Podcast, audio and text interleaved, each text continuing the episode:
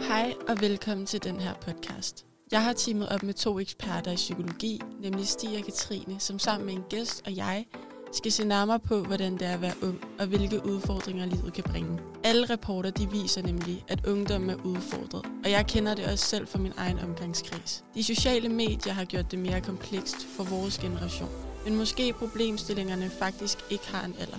I dag er det Katrine, som jeg har med i studiet, og som skal guide dagens gæst. Katrine, har du ikke lyst til at kort introducere dig selv? Jamen uh, tak. Mit navn er Katrine, og uh, jeg har en kandidat i pædagogisk psykologi og en master i positiv psykologi. Og uh, har besøg i dag af Johan, og tusind tak, fordi du ville komme og deltage i vores podcast. Vil du ikke lige præsentere dig selv, så vi lige får lidt mere viden om, Jo. hvem du er og hvor du er i dit liv? Øh, Jeg hedder Johan. Jeg er 24. Øh, Jeg læser øh, eksport- og teknologiingeniør på DTU Ja. på 5. semester nu. Mm. Ja, og så ellers så, øh, så arbejder jeg i en vuggestue.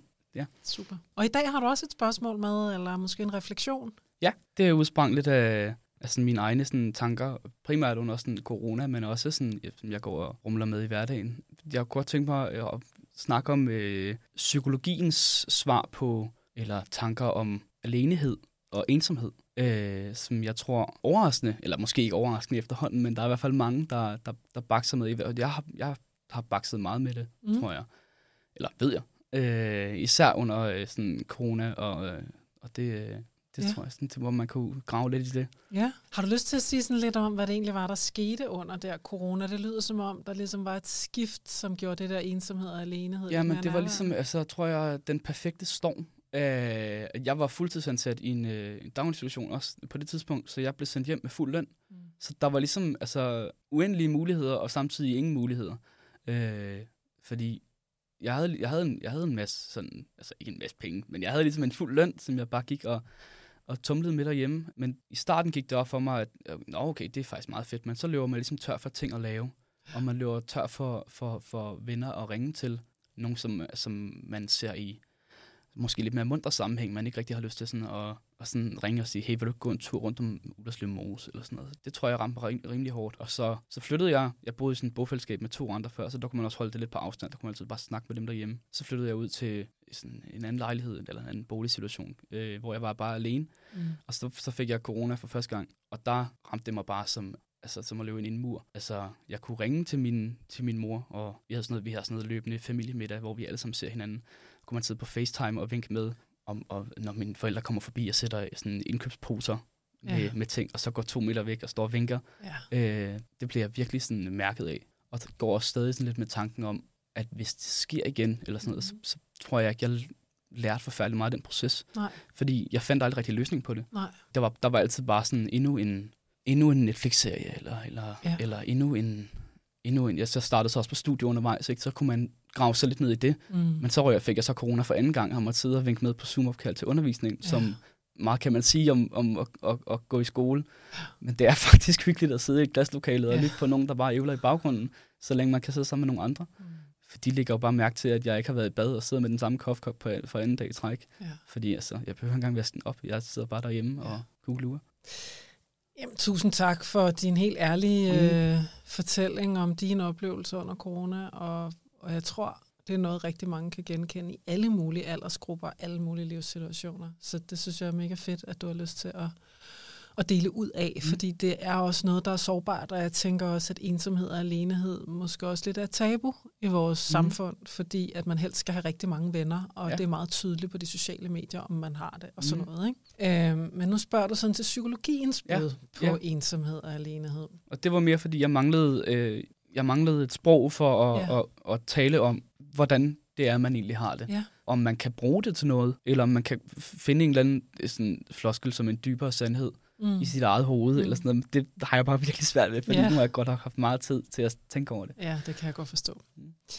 Man kan sige, at den eksistentielle psykologi, som er en gren inden Mm. for psykologien ud af rigtig mange, forholder sig faktisk rigtig meget til alenehed Mm. og ensomhed. Mere alenehed som et fænomen, der også kan opstå, når man er sammen med andre. Så alenehed er det, man kalder et eksistentielt grundvilkår.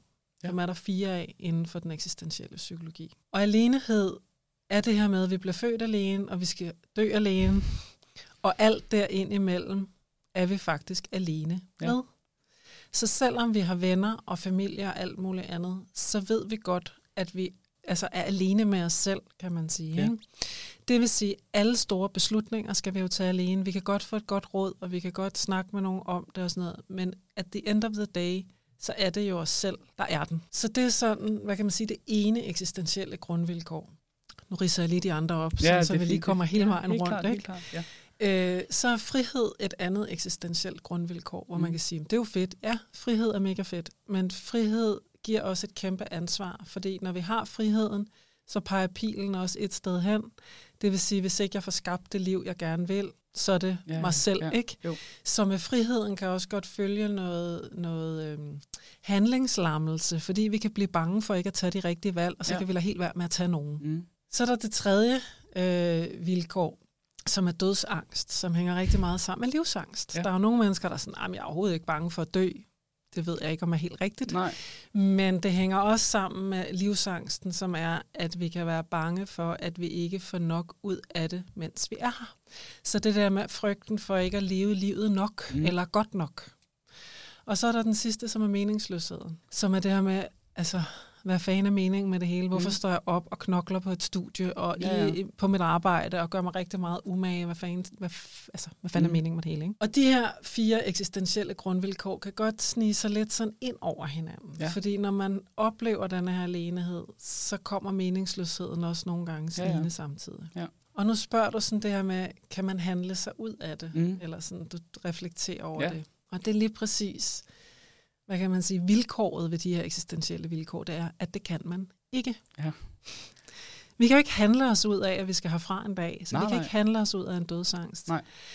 Så man kan sige, det den eksistentielle psykologi vil på denne her front, det er at sige, at de her vilkår er der for os alle sammen. Teorien er, at vi møder dem alle sammen i løbet af vores liv. Og det, som der kan være relevant at reflektere over, det er at sige, det modsatte af det. Hvad er det fordelene ved nogle gange Mm. at mærke det? Ja. Jeg tror, at de fleste mennesker kender det her med måske at sidde til en begravelse og være i sorg over at have mistet, og så få den der fornemmelse af, hold kæft, det her er mega vigtigt for mig i mit Mm. liv. Så det er jo det, vi kan bruge dødsangsten til, det er at få sat fokus på, hvad er det, der er vigtigt for mig at Ja. gøre, mens jeg er her. Så på den måde kan de her eksistentielle grundvilkår også godt minde os om noget. Ja. Giver det mening? Ja, fuldstændig. Ja. Ja. Jamen, jeg tænker sådan lidt, altså nu siger du det der med, at det rammer alle mennesker, i en, øh, i, en, uanset hvor de er henne i deres liv, så kommer det på et eller andet tidspunkt. Mm. Og det, altså, nu, jeg tænker jo øh, konstant, det tror jeg, der er mange, der gør i sådan nogle popkulturelle referencer, men ja. altså, der var bare et skide godt album for nogle år siden, der hedder Forbandet Ungdom. Ja. Øh, det, det er bare den titel, sådan, det sådan, runger meget klart. Fordi, at, jeg ved ikke, om det er en fed ting, at det rammer en i en alder af 24 år. Der er en, en ung ild, eller sådan noget. Det Ja. der, sådan, altså, hvad, og diverse floskler med youth is wasted on the young, og, Ja. og hvad der ellers bliver sagt. Jeg ved ikke, om det er en fordel, eller det bare er den hånd, man er blevet givet, Mm. som irriterer mig, eller kommer på. Det er måske ikke de rigtige ord, men jeg har virkelig svært ved at forholde mig til den. Jeg, jeg kan faktisk godt blive sådan, altså, øh, sådan, jeg ved ikke, irriteret. Jeg kan godt, virkelig godt genkende den der handlingslammelse og meningsløshed. Øhm, jeg er for eksempel svært ved at invitere til fødselsdag, øh, for at tage noget helt jordnært. Fordi jeg kommer til at tænke sådan, "Så what's the big deal? Der er gået endnu et år. Og så kan I komme og se på mit rynkede ansigt en gang til. Og så, Ja. altså, så det har jeg ikke, øh, det tror jeg, jeg har gjort en gang i løbet af de sidste fire år. Ja. Ellers så er, det, så er det altid, det ligger oftest på en fredag. Så tager man bare i byen med vennerne, og så bliver det endnu en aften, hvor der så bliver givet en gang shots i løbet af aftenen, og så hey, tillykke, og, whoop, og så er det det. Og Mm. det er jeg sådan set meget mere komfortabel med, for det giver sådan en ironisk distance til det, at altså, tiden går, At tiden går. Ja. øhm, og den, den går fra en på en eller anden måde, Ja. øh, og render mellem hænderne på en.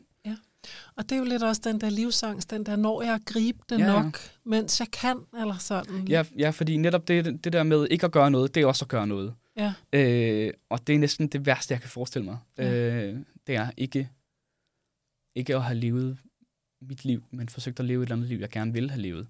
Ja. Øh, fordi det synes jeg bare resulterer meget hurtigt i, at så kommer der bare ikke en skid ud af det.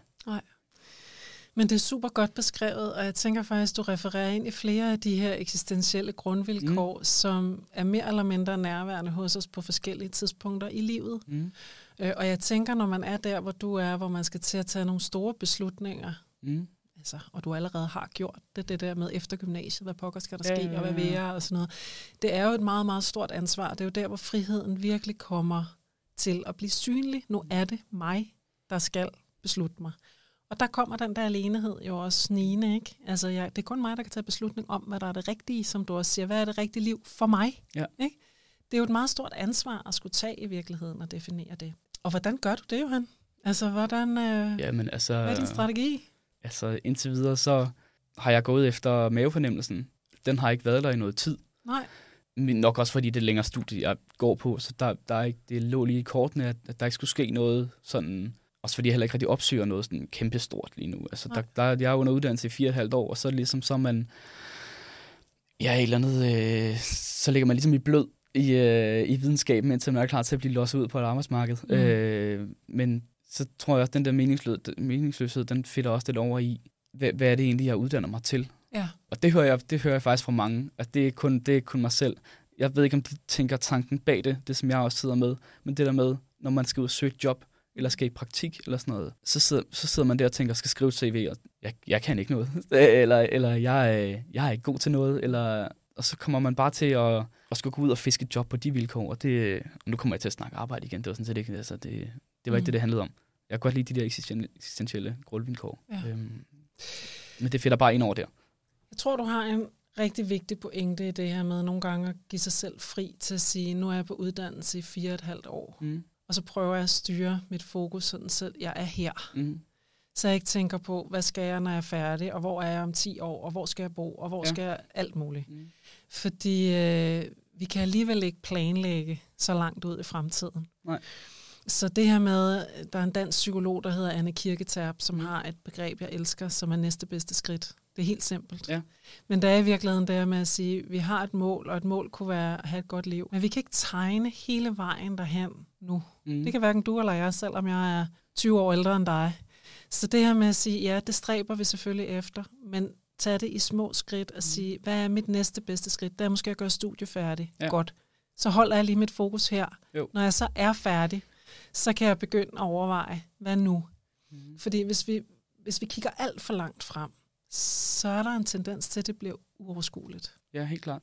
Øhm, nu kan jeg selvfølgelig ikke tale på hele Danmarks ungdomsvejen, men det er jo, det, det er jo nu bliver der snakket det der om stress i gymnasierne og sådan noget, det der med, at Ja. man skal fjerne karakteren. Det er sådan set ikke enig i, men jeg tror, det ligger meget dybere. Nu nævnte du også nogle sociale medier før. Ja. Jeg tror, jeg har lagt noget op øh, to gange i, i, i, i løbet af det seneste år, eller sådan noget. Jeg bruger det til, når jeg skal søge en bolig.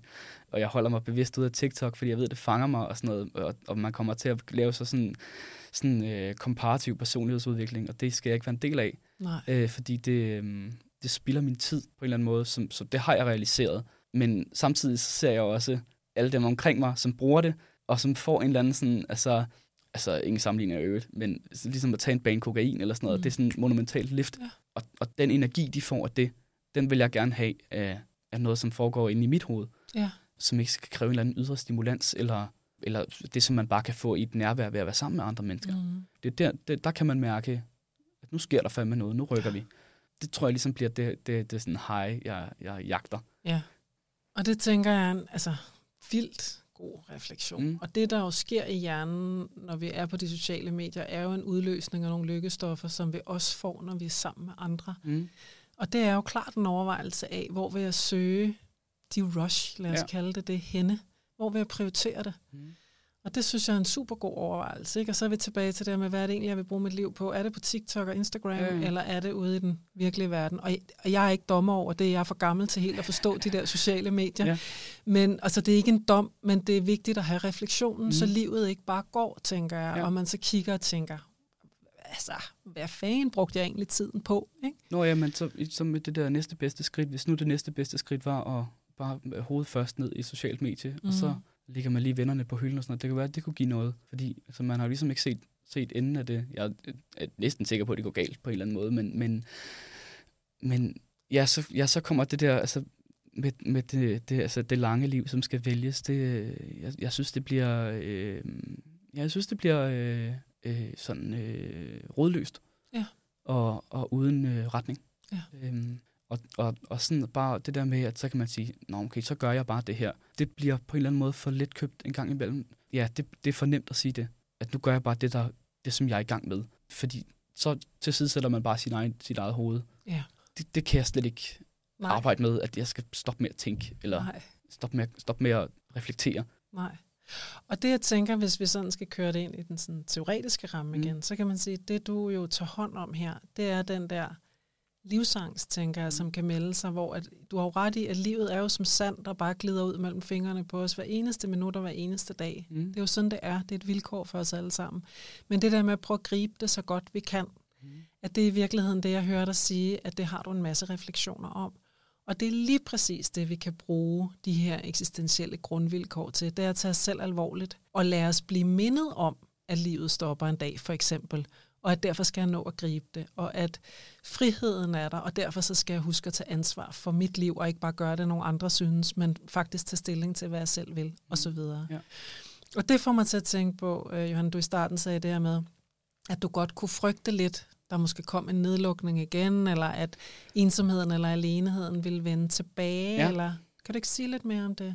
Jo, jeg ved ikke, eller jeg er rimelig sikker på, hvordan jeg kommer til at reagere. Ja, Jeg har ikke fundet en løsning på, hvordan jeg kommer ud af det. nej, Altså at, at have min surdej på nu halvandet år, det, det, det har ligesom ikke hjulpet. nej, Det hjul- hjalp, at jeg er begyndt at, jeg er begyndt at fiske, eller nej, whatever. nej. Ja, tage sig diverse hobbyer, og det... Jeg fik ikke rigtig læst så mange bøger, som jeg gerne ville, selvom jeg havde tiden og sådan noget. Så jeg, jeg, jeg tror, jeg mangler et værktøj, eller Ja. sådan noget, eller en, øh, en tankegang, eller en, noget så simpelt som et afkrydsningsskema. Sådan. Altså Mm. det, øh, Mm. Fordi afkrydsningsskemaer kan ligesom også sige, så, så lægger man også klar fritid ind, og det er næsten noget af det, jeg kan frygte allermest. Mm. At nu er der tid til dig selv. Ja. Fy for satan, mand. Det, ja. Ja. Den kommer altså en gang imellem. Men prøv at høre, jeg synes, det er så fedt sagt, fordi vi kan faktisk godt have for meget tid med os selv. Mm. Altså man kan sige, på den ene side kan der noget være, noget vigtigt i at kunne være med sig selv. Der er nogle mennesker, der altid skal have et fjernsyn eller en radio kørende, som faktisk ikke rigtig kan holde ud og være alene med ja. sig selv. Det tænker jeg, det er vigtigt at kunne. Ja. Men vi kan også have for meget tid med os selv, hvor det ender i overtænkning. Og det er heller ikke sundt. Nej. Så det, du skitserer her, jeg kan godt forstå, du siger fy for fanden, fordi vi kan godt have for meget tid med os selv, hvor vi kommer til at spænde afsted med noget, der er ret usundt. Ikke? Ja. Så hvis man skal prøve at tænke over, hvad, hvad kan du og andre måske bruge denne her alenehed til, som, som meldte sig under corona? Det er måske noget med at sige, jeg oplever egentlig, at du er lidt inde på det, og nu skal du bare sige til, hvis jeg træder totalt i spinaten. Ja, Men, det. men det her med faktisk at prioritere, at have nogle rigtig tætte, nære relationer. Mm. Ikke på TikTok og Insta, men det her med faktisk at prioritere og have nogen, som er så tæt på, Ja. at, at man faktisk også kan bruge dem i de situationer, hvor aleneheden måske melder sig. Mm. At det er måske det, man skal tage med fra corona. Ja. I don't know. Jo, men det tænker jeg, altså, for, altså, øh, det bliver igen sådan øh, letkøbt at sige, at man skal bare finde sådan nogle, mm. Eller bare bygge nogle, mm. Mm. det, det jo tager jo altså fucking år. Så, så jeg vil måske mere tænke, i tråd af at få skabt sig en rutine, Ja. hvor man får set nogle mennesker. Og Yes. det er, jo, det er jo svært under en nedlukning. Altså sådan noget, så, så, så har man en gruppe, der kommer fast om torsdagen og spiser aftensmad. Eller sådan noget, ikke? Det kunne jo gøre noget. Øh, eller man har en gruppe, man fast går en tur med om onsdagen, eller Mm. whatever. Så længe det er noget, der sådan inkluderer andre mennesker. Ja. Og det skal gerne, jeg tror gerne for mig, for mit vedkommende, skal det gerne være nogen, jeg kender perifært. Fordi det er egentlig dem, jeg gerne vil høre noget mere om, eller gøre mig nogle flere tanker om. For dem, jeg har brugt så meget tid med, de, vi kommer tilbage i de samme floskler med. Det var også sjovt sidste gang, du var i byen og brækkede dig en skraldespand og sådan noget. Ikke? Og det, man kommer bare ikke mere, man kommer ikke dybere ind i hinanden. Nej. Eller, eller, eller, okay, ja, det lød forkert. Øh, men man kommer ikke tættere på hinanden. Øh, og, og så, jeg gider heller ikke søge de, de der sådan, altså, faste klubber, det der med, kom og mød op på Valby Kulturhus, hvis du har det her dårligt. Nej. Øh, det, det synes jeg, det, det bliver også sådan, øh, sådan AA-agtigt, og det gider jeg ikke. Mm-mm. For jeg er sikker på, at der er rigtig mange, der har den her fornemmelse. Øh, det er Ja. bare et spørgsmål om at ytre den. Ja. Øh, Ja, ja. og, og det er et kæmpe skridt. Jeg er fuldstændig enig Ja. med dig, og jeg synes, det er mega fedt, du sidder her, er så ærlig og taler for hjertet omkring mm. de her emner, som jo er sårbare, tænker jeg. ikke. Mm. Øhm, og jeg tror, du har fuldstændig ret, at det er jo ikke, det er jo ikke sådan, så "Ah, nu vil jeg gerne have tre gode venner, og så har jeg tre gode venner. Men, men det, man måske kan tænke om det, det er fuldstændig det, du skitserer. Det her Mm. med at få bygget nogle rutiner op omkring, at have nogle mennesker i sit liv, som bidrager gensidigt til noget. Ikke? Ja. Fordi vi ved, at når vi kigger ind omkring forskning omkring trivsel, så er relationer altid med. Mm. Og relationer er gensidige, så der skal være nogen, der har min ryg, men der skal lige så meget være nogen, der har brug for mig. Ja. Så det der med at opbygge gensidige relationer, er jo noget af det, som er sindssygt vigtigt. Det fjerner ikke aleneheden. Mm. Fordi som vi snakkede om før, så er det et vilkår. Så selvom jeg har 17.000 gode venner, så er det stadigvæk mig, der skal tage beslutninger om Ja, mit liv. Så det ja. fjerner det ikke. Men det kan godt give mig noget robusthed faktisk, Mm. at jeg har nogle, nogle relationer omkring mig, mere eller mindre perifære, Ja. men som jeg kan læne mig ind i. Ja, helt klart. Ja så er det lige øh, det der springet ud på de tusind farvende vand, eller det der med lige bare for at så sparke gang i den. Ikke? Jeg, jeg tror ikke, der er nogen, der tager til den, men altså, jeg har tænkt tanken, så, det, så kunne det godt være, at den lå på mig, og så kan jeg ligesom øh, læne mig tilbage og se fryd og gammel sprede sig. Men øh, det, øh, ja, bare gør sådan noget hverdagstrivielt noget Ja. med folk, det tror jeg godt kunne... Øh, så lægge sine skide høretelefoner væk en gang imellem, det, det tror jeg bare kunne gøre noget Ja. det gør i hvert fald noget for mig, når jeg endelig tager mig sammen til at, at få lavet sådan noget. Så det lyder også, som om der alligevel er kommet en, en skærpet opmærksomhed ud på noget, der er vigtigt, efter at have været igennem corona. Ja, men det er også, fordi jeg begynder at talesætte det. Ja, øhm, fedt. og det, jeg havde ligesom sådan, altså, sådan en breakthrough moment på et tidspunkt, hvor jeg sådan i talesætte det første gang over for min mor. Ja, Øhm, og det var en kæmpe ting for mig, for Ja. altså, Ja. man snakker jo altid, man siger jo altid, man siger alt muligt til sine forældre, ikke? men, men øh, hun kunne også godt mærke, at, at hun ramte noget særligt. I, eller jeg, det var noget, et punkt, normalt en lukket dør. ja, Øhm, det, gjorde, det gjorde enormt meget, fordi nu snakker vi frit om det. ja, fedt. Og det begynder også, altså min, øh, så begynder min papfar også at bare sparke lidt ind i det og sådan noget. Jeg holder den stadig sådan, in, sådan on the low low. Altså jeg gider ikke være sådan talepunkter til familiemiddag eller sådan noget, ikke? Nej. Fordi det, det gør ikke noget godt. Så sidder man der og bliver druknet i sympati og øh, medfølelse. Det skal jeg ikke bede om. Nej, Øhm, men, men det er i talsættende Ja. over for nogen, som man... Øh, ja, altså nu det gjorde jeg det over for min mor, men i hvert fald nogen, som man stoler på 100%. Ja. Øh, og som man ved øh, ikke har tid, men, men tager sig tid. Og ved du hvad, det tror jeg faktisk er verdens bedste råd i forhold til alt det, vi har snakket om her. Der er mm. i virkeligheden at ture Mm. for at ikke at stå helt alene med det. Det gør man lidt alligevel, men Ja. måske føles det som knap så meget, når man kan dele det med nogen. Mm. Så øh, tusind tak, fordi du ville komme ind og dele øh, dine tanker om det her. Jeg synes, det har været mega inspirerende at Mm. snakke med dig om de her store eksistentielle emner. Ja. Så tusind tak, fordi du ville dele. Tusind tak, fordi du lyttede med. Hvis du vil have flere tips og tricks og vide mere om mental helbred, kan du følge os på alle de sociale medier og også på www.mindstrain.com.